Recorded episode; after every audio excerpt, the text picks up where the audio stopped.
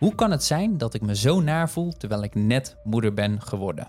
Het onderwerp zelf is taboe, denk ik, dat als je net moeder wordt, dat je dan uh, je naar voelt. Of niet blij bent zoals het eigenlijk hoort te zijn. Wat is een postnatale depressie? Een postnatale depressie is een type depressie die vooral voorkomt rondom en na de geboorte.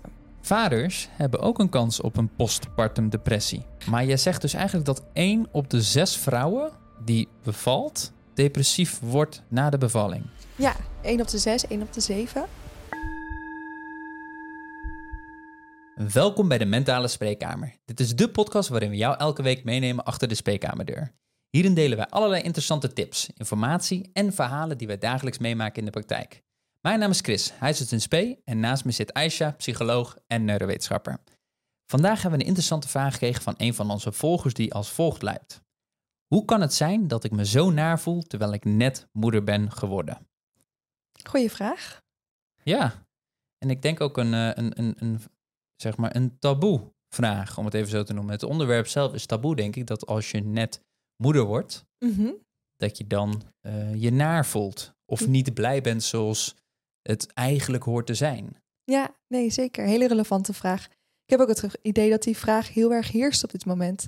Ik weet niet hoe het bij jou zit, maar in mijn omgeving worden aardig veel mensen zwanger of hebben net een kindje gekregen. Ja, er is een flinke babyboom gaande, lijkt wel. Maar dat Ja. komt een beetje misschien door, eh, door, ja, de, door de generatie waarin wij nu zitten. in Mhm. onze leeftijdscategorie. Dus eh, inderdaad, die vraag zal ook vaker komen. Ik eh, denk dat we het dan voornamelijk moeten hebben over postpartum depressie. Ik wil Of niet, postnatale depressie. ja, het kan allebei inderdaad. En ehm, ja, we, kunnen dit, we, we klassificeren dit niet natuurlijk als een postnatale depressie of postpartum depressie. Laten we het gewoon een van die twee noemen voortaan. Maar laten we beginnen. Wat is een postnatale depressie? Ehm, een postnatale depressie is een type depressie die vooral voorkomt rondom en na de geboorte. Dus wat misschien ook wel goed is om te noemen voordat we helemaal naar de depressies gaan, is dat er ook baby blues zijn. En dat wordt in het Nederlands ook wel de kraamtranen genoemd. Heb je daar ooit van gehoord? Ik heb wel eens gehoord van de baby blues. Ah, de baby blues. Maar de kraamtranen, dat is voor mij eh, dat is volgens mij een heel ouderwetse term, denk ik. Ja, nou, ik las op internet dat dat de Nederlandse vertaling was. Maar eh, bij de baby blues, dat zijn dan de eerste, eh, nou, na de bevalling, eigenlijk de eerste tien dagen daarna. Dan hebben eh, volgens mij echt de meerderheid van de vrouwen, die hebben dat ze gewoon heel erg huilerig zijn, angstig zijn en heel slecht slapen. Dus eigenlijk, ehm, en dat komt dan vooral voort door de grote hormonale wisselingen die na de geboorte plaatsvinden. En dat worden dus ook de kraamtranen genoemd. Dus afhankelijk van de, van de kijker, of degene die de vraag heeft ingezonden, ben ik ook wel gelijk heel erg benieuwd hoeveel dagen na de zwangerschap dit is. Of na de bevalling bedoel ik. Ja, geen idee. We hebben alleen maar één zin als vraag gekregen, dus eh, dat is misschien een vraag die later maar van pas komt. Maar je vertelt dus postnatale depressie, dus eigenlijk een depressie die rondom of na de bevalling plaatsvindt. En rondom houdt dat ook in dat je voor de geboorte al, zeg maar, van het kind depressief kunt worden? Ja, dus ongeveer, ehm, wat misschien goed is om mee te beginnen, ehm, ongeveer 15% van de vrouwen, die ervaart dus een postpartum depressie. En dat is dus echt ontzettend veel. En het wordt dus ook de, de, meest voorkomende complicatie tussen haakjes eh, genoemd bij een, een bevalling. Omdat het dus ontzettend vaak voorkomt dat dit het gevolg is eh, van de bevalling. En ehm, officieel noemen we het dus ook een postpartum depressie en geen postnatale depressie. Want postnataal betekent dan eh, na de geboorte. En dat gaat dan vooral voor het welzijn van het kind. Maar met een postpartum, dan bedoel je eigenlijk na de bevalling. En dan gaat het dus vooral voor de gezondheid van de moeder. Dus eh, officieel noemen we het volgens mij de postpartum depressie. Dus misschien kunnen we die voor nu kiezen. Ja, ik ga mijn best doen, want ik haal ze altijd door elkaar. Nee, ja, snap ik heel erg. Maar jij zegt dus eigenlijk dat één op de zes vrouwen die bevalt, depressief wordt na de bevalling. Ja, 1 op de 6, 1 op de 7. Eh, ja, dus dat is echt ontzettend veel. En het vaakst komt dat voor dus in de eerste drie maanden. En dit zijn dus ook niet de vrouwen die last hebben van de kraamtranen. Dus je moet eigenlijk een beetje rekenen vanaf, hè, het moet minimaal twee weken gaande zijn, maar dus in de eerste fase na de bevalling. En een aantal van, eh, een groot percentage van die vrouwen, die heeft bijvoorbeeld ook al voor de bevalling ook al last van depressieve klachten. Oké. Oh, wat, dat, dat, is, ontzettend veel eigenlijk. Als je erover nadenkt, want, want één op de zes vrouwen die zwanger wordt, weet niet hoeveel vrouwen bevallen elk jaar, maar dat zou dus eigenlijk betekenen dat één op de zes van die vrouwen eigenlijk hulp nodig heeft. Ja, dus dat zou eigenlijk ook betekenen dat uh, hè, ik, ik heb wel zes mensen in mijn omgeving die of net een kindje hebben gekregen of uh, zwanger zijn, dat ik dat ook uh, mijn voelsprieten moet uitzetten. Ja, maar het scheelt dat de GGZ al niet overhoop ligt qua ja. druktes. Dus als al die jonge moeders daar ook nog bovenop moeten. Ja, en, en mijn ervaring persoonlijk is ook dat het dus eigenlijk zo een groot taboe is. En dat de stap om zorg te zoeken, dat die aardig groot is.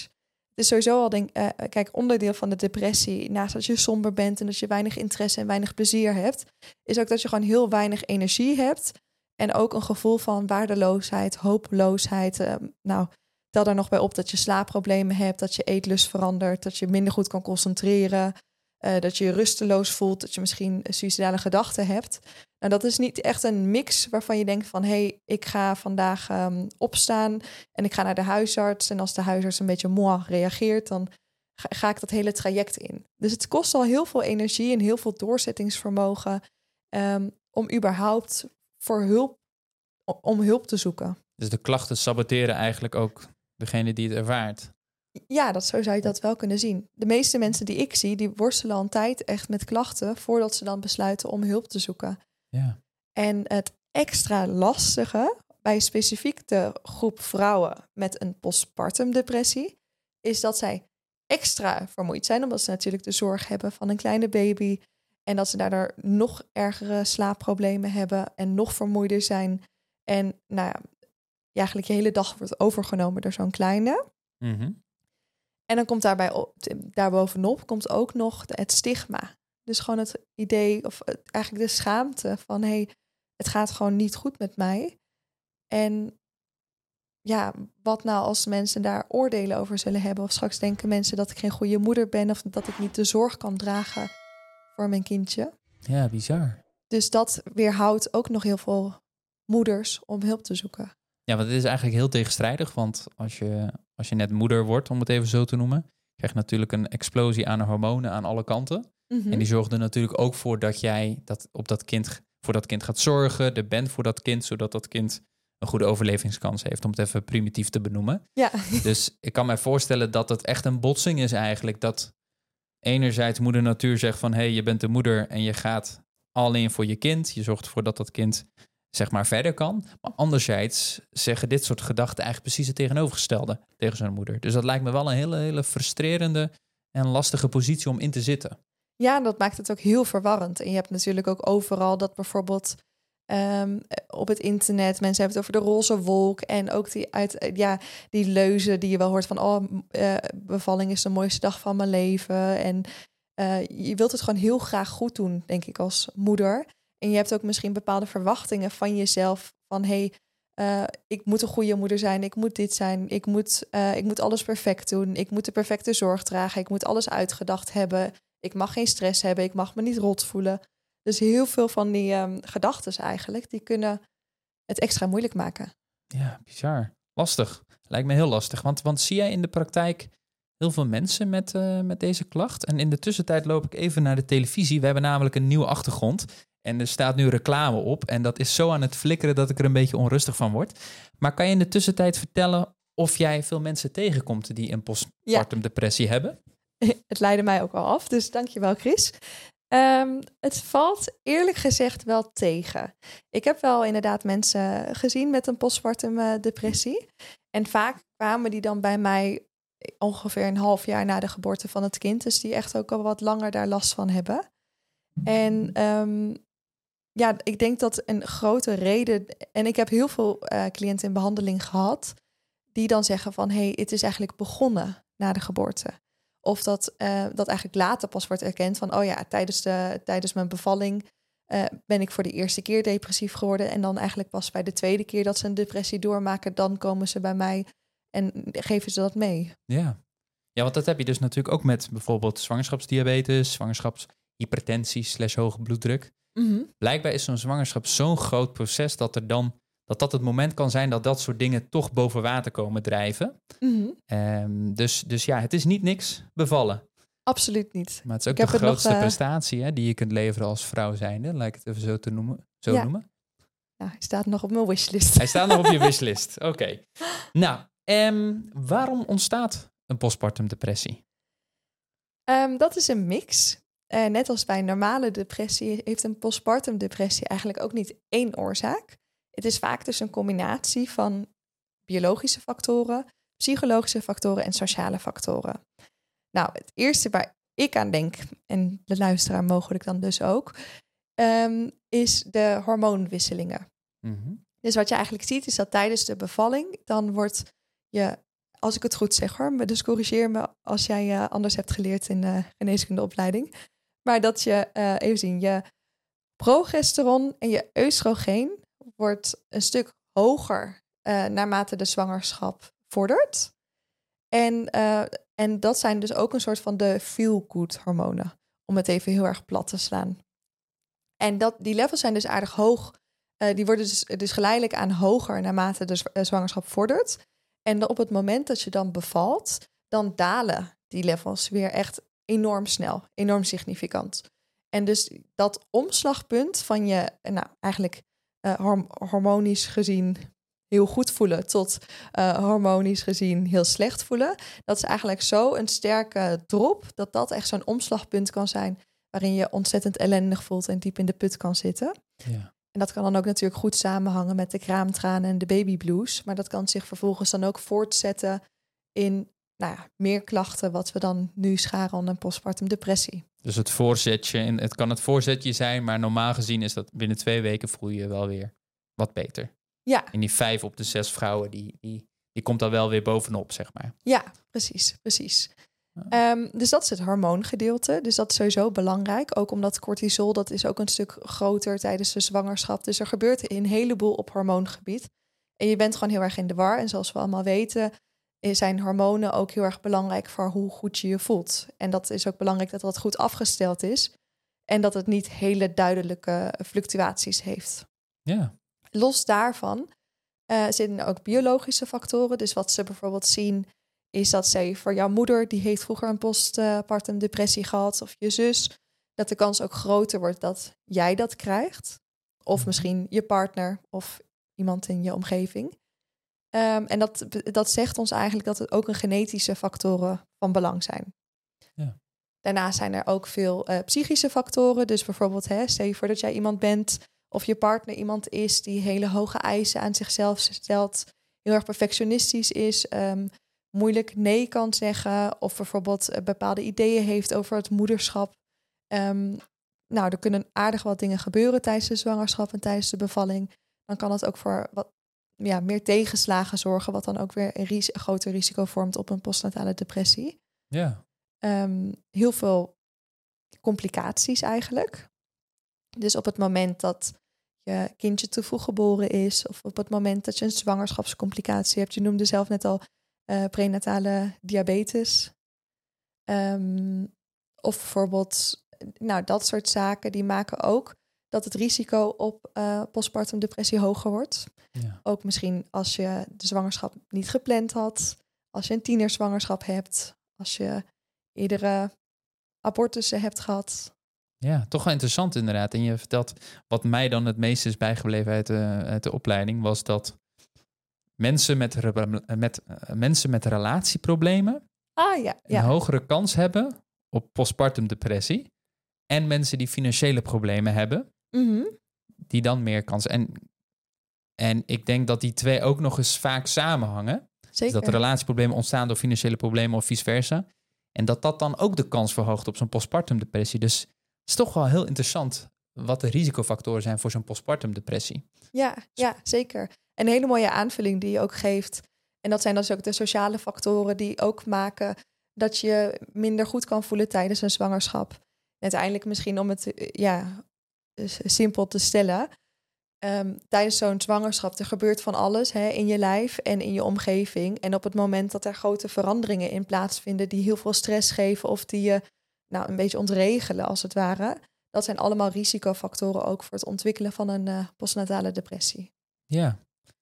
En voor alle mannen die naar deze podcast luisteren en denken dat ze eigenlijk ongeschonden zijn van, eh, van deze risico's. Vaders hebben ook een kans op een postpartum depressie. Ja, dat klopt. Dus de partners die hebben ook zeker een hoger risico om depressief te worden na een zwangerschap. Dat is toch best wel bijzonder, want dat ontkracht eigenlijk het, het hormonale karakter van dat een postpartum depressie komt door de hormonen. Ja. Want de man die zit erbij en die ervaart niet de hormonen van de vrouw natuurlijk. Maar heb je enig idee wat daar achter steekt? Waarom, waarom zouden mannen nou weer een postpartum depressie kunnen krijgen? Is het de shock van dat ze een vader worden? Of is, is het de reacties van de vrouw? Want een kort, kort mijn ervaring.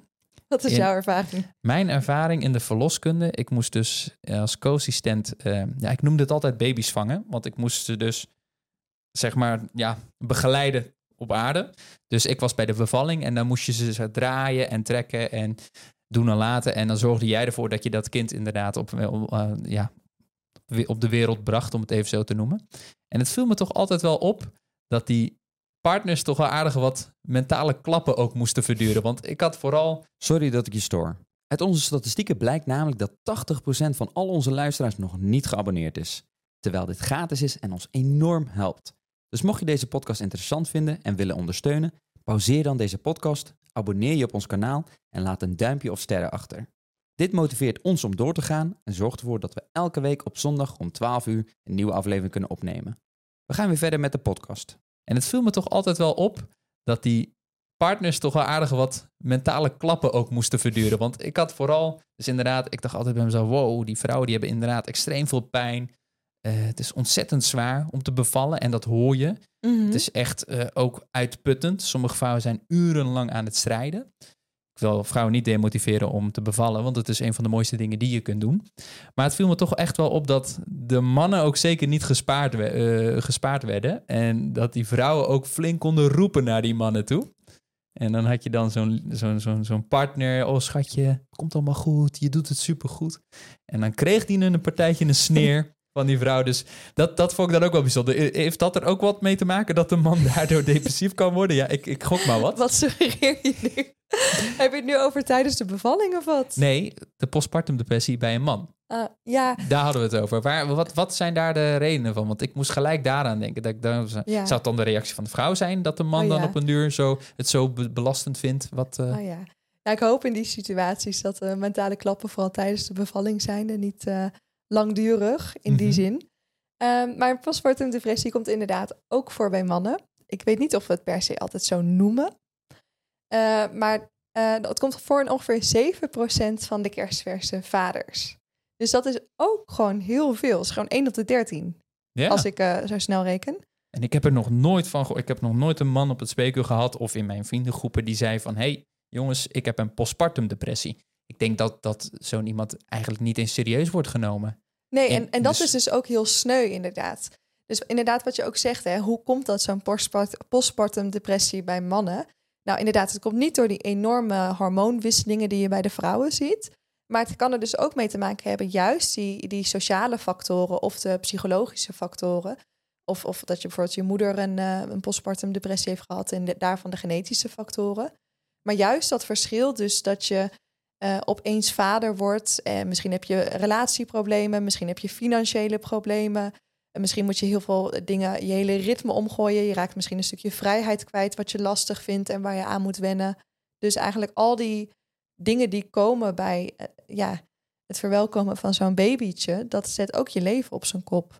En daar Ja. kunnen ook mannen dus op reageren met een postpartum depressie.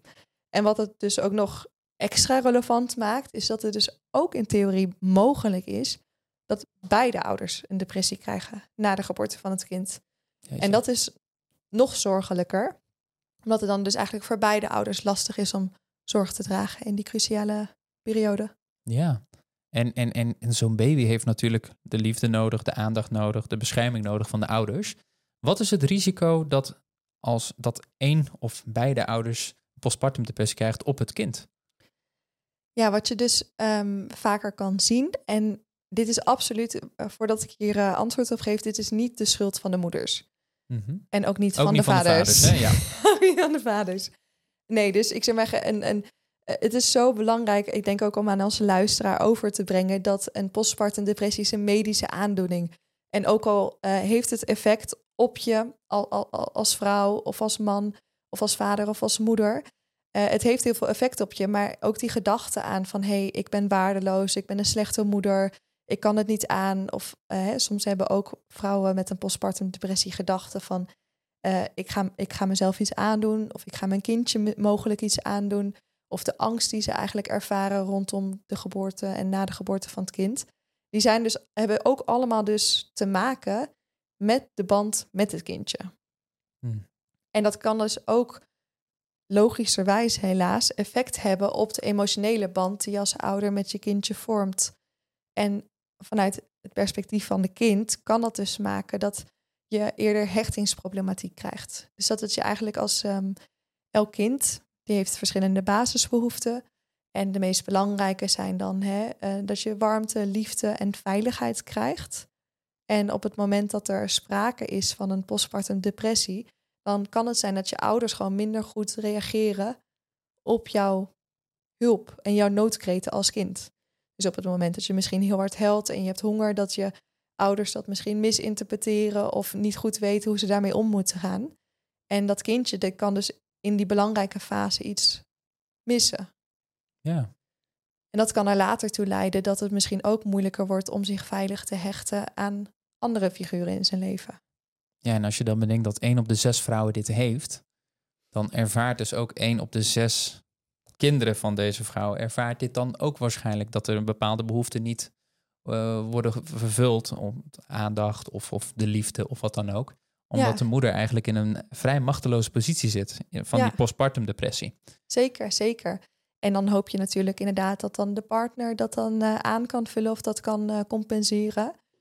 Maar in het trieste geval dat beide ouders een depressie hebben en dat er onvoldoende sociale steun is in het netwerk van opa's en oma's of vrienden of hulpverleners die het op tijdig signaleren, um, dan kan dat wel echt een probleem worden, ja. Ja, ja, en dat is denk ik ook de hele, uh, eigenlijk hele bedoeling van deze podcast of deze aflevering. Naast dat, dat we natuurlijk een vraag beantwoorden, is dat we eigenlijk bewustzijn willen creëren voor dat als je iemand in de omgeving kent, of dat je dit zelf herkent, of dat jouw partner, uh, mm dit, als je dit herkent bij je partner, dat je dan gelijk aan de bel moet trekken. Zeker, zeker. Want dat brengt me ook naar de volgende vraag. Wat is het gevaar van een postpartum depressie? nou, in, in die zin, het gevaar van een postpartum depressie voor, de, uh, voor degene die de depressie heeft, is dat je nou, natuurlijk gewoon ontzettend diep in de put zit. Um, dat je uh, ja, dat je gewoon ontzettend diep in de put zit. Wacht, ik herhaal mezelf nu. Maar, uh, en bij een depressie kunnen ook bijvoorbeeld suïcidale gedachten horen. En je kan misschien ook twijfels hebben over dat je faalt als moeder of dat je ongeschikt bent als moeder. En het kunnen ook allemaal gedachten zijn die je juist weerhouden van het zoeken van hulp. Terwijl alle problemen, dus de suicidale gedachten eventueel, of de gedachte dat je faalt als moeder, of dat het je eigenlijk niet lukt, dat je gewoon denkt, ik heb te veel ballen omhoog te houden en het lukt me gewoon niet. Dat is het gevaar voor de moeder vooral, dat dat gewoon uh, onvoldoende lukt. Uh, je hebt ook een hoger risico op andere problematiek. Dus bijvoorbeeld, hè, we zijn ook veel vrouwen met voor postnatale angst, postpartum angst, postpartum psychose bestaat ook. Ja. Um, voor het kind is het voornaamste probleem hè, op het moment dat je je als kind veilig hecht hebt aan de moeder en in de, in de kraamperiode vaak heb je dat je als ouders op een gegeven moment gaat herkennen van hé, hey, um, deze manier van huilen, oh dat betekent dat hij honger heeft of oh deze manier van huilen betekent dat hij moe is of deze manier van huilen betekent dat, er, uh, dat, dat hij wat winderig is en een scheetje of een boertje moet laten. En dan kan je daar dus adequaat op reageren. Um, maar het risico dus bij als je ouders of je moeder of je vader een postpartum depressie hebben, dat ze dus minder goed kunnen reageren op de signalen die je afgeeft als baby. Ja. Dus dat heeft iets, uh, dat, dat, dat, doet iets met je, ja, je gevoel van veiligheid. Misschien ook de sfeer in huis. En dus later ook de, de hechting. Ja, Gewoon het weten dat je uh, ouders eigenlijk onvoorwaardelijk voor je zijn. Mm -hmm. En natuurlijk ook de, de, het directe gevaar voor de baby zelf natuurlijk. Want wat ik een keertje gezien heb, een, ik heb ooit een, een, een beeld gezien, uh, dat zal vast wel op TikTok zijn, dat er een moeder was die eigenlijk aan het schreeuwen was naar de baby.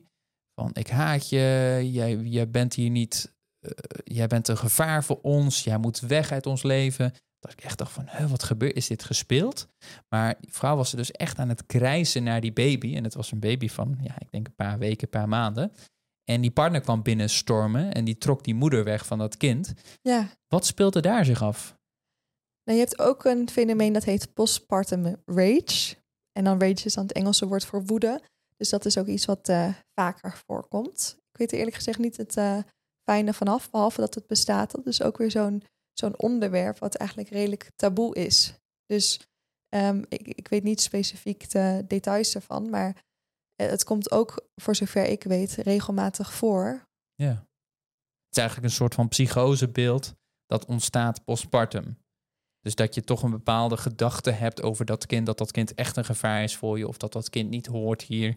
Mm -hmm. Dus dat is toch wel best wel een bizar, bizar beeld eigenlijk. Maar het is ja, het is ook heel erg schrikken. Heel erg schrikken. Ja. En ik weet niet, uh, ik denk eerlijk gezegd niet dat een postpartum rage hetzelfde is uh, als postpartum psychose. Mm -hmm. Maar we weten natuurlijk ook niet van het filmpje dat je hebt gezien wat daar precies speelde. Of Ja. dat meer de postpartum rage was, waarin je een soort van woede hebt door ho- hormonale overload. Of dat er sprake is van een postpartum psychose. Want bij een postpartum Mhm. psychose, dan kan de moeder bijvoorbeeld ehm, hallucinaties hebben of wanen hebben. Dus dat je dingen ziet of hoort die er niet zijn.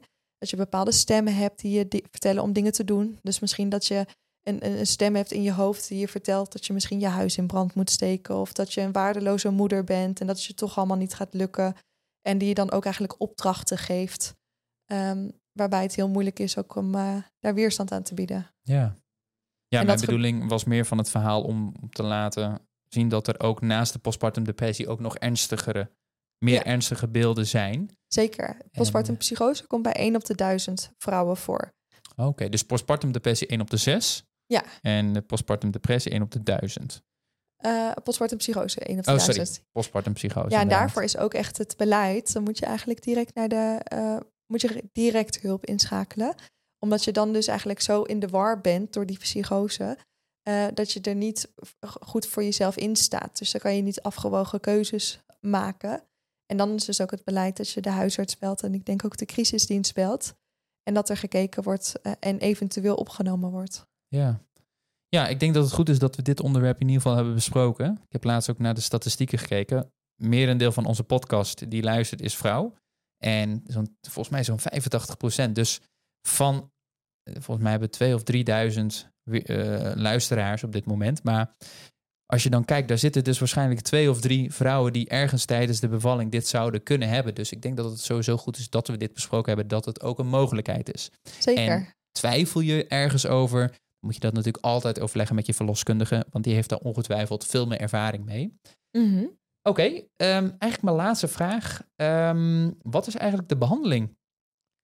De behandeling, ehm, net als bij een reguliere depressie, dan zou je denken aan CGT of IPT. Dat zijn twee verschillende ehm, therapievormen voor depressie.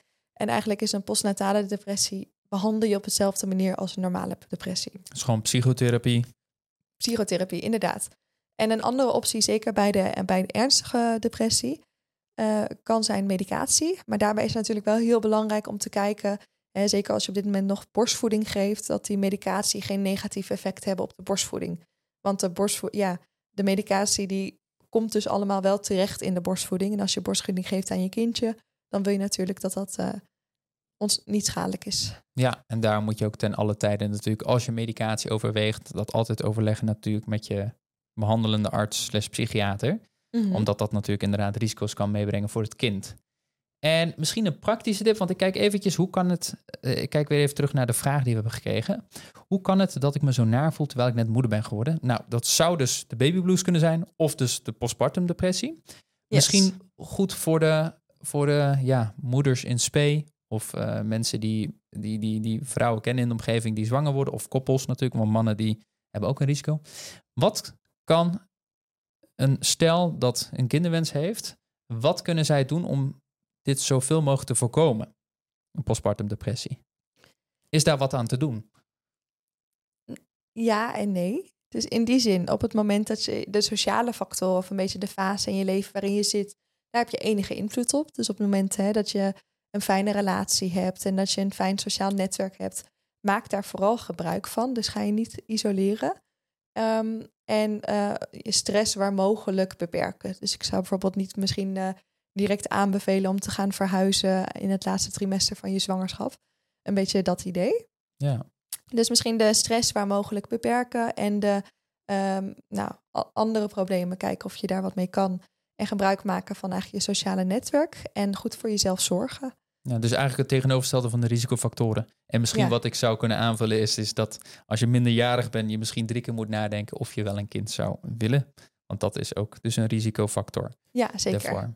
Oké, nou dan zijn we denk ik aangekomen bij de tip van de week.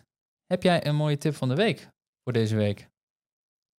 Op het moment, nou, laten we zeggen dat als je eh, zwanger bent of net een kindje hebt gekregen, zou mijn tip van de week zijn om deze week eh, met een vriend of vriendin of iemand bij wie je prettig voelt te bellen. Om Nee. gewoon eigenlijk je sociale contacten te onderhouden.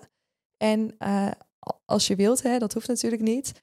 Maar als je wilt dan ook gewoon open te zijn over hoe je je voelt. Of dat nou positief of negatief is. En ehm, in plaats ervan uit te gaan dat misschien iemand oordelen heeft of daar iets van vindt. Het gewoon eens te proberen om te kijken hoe de ander reageert.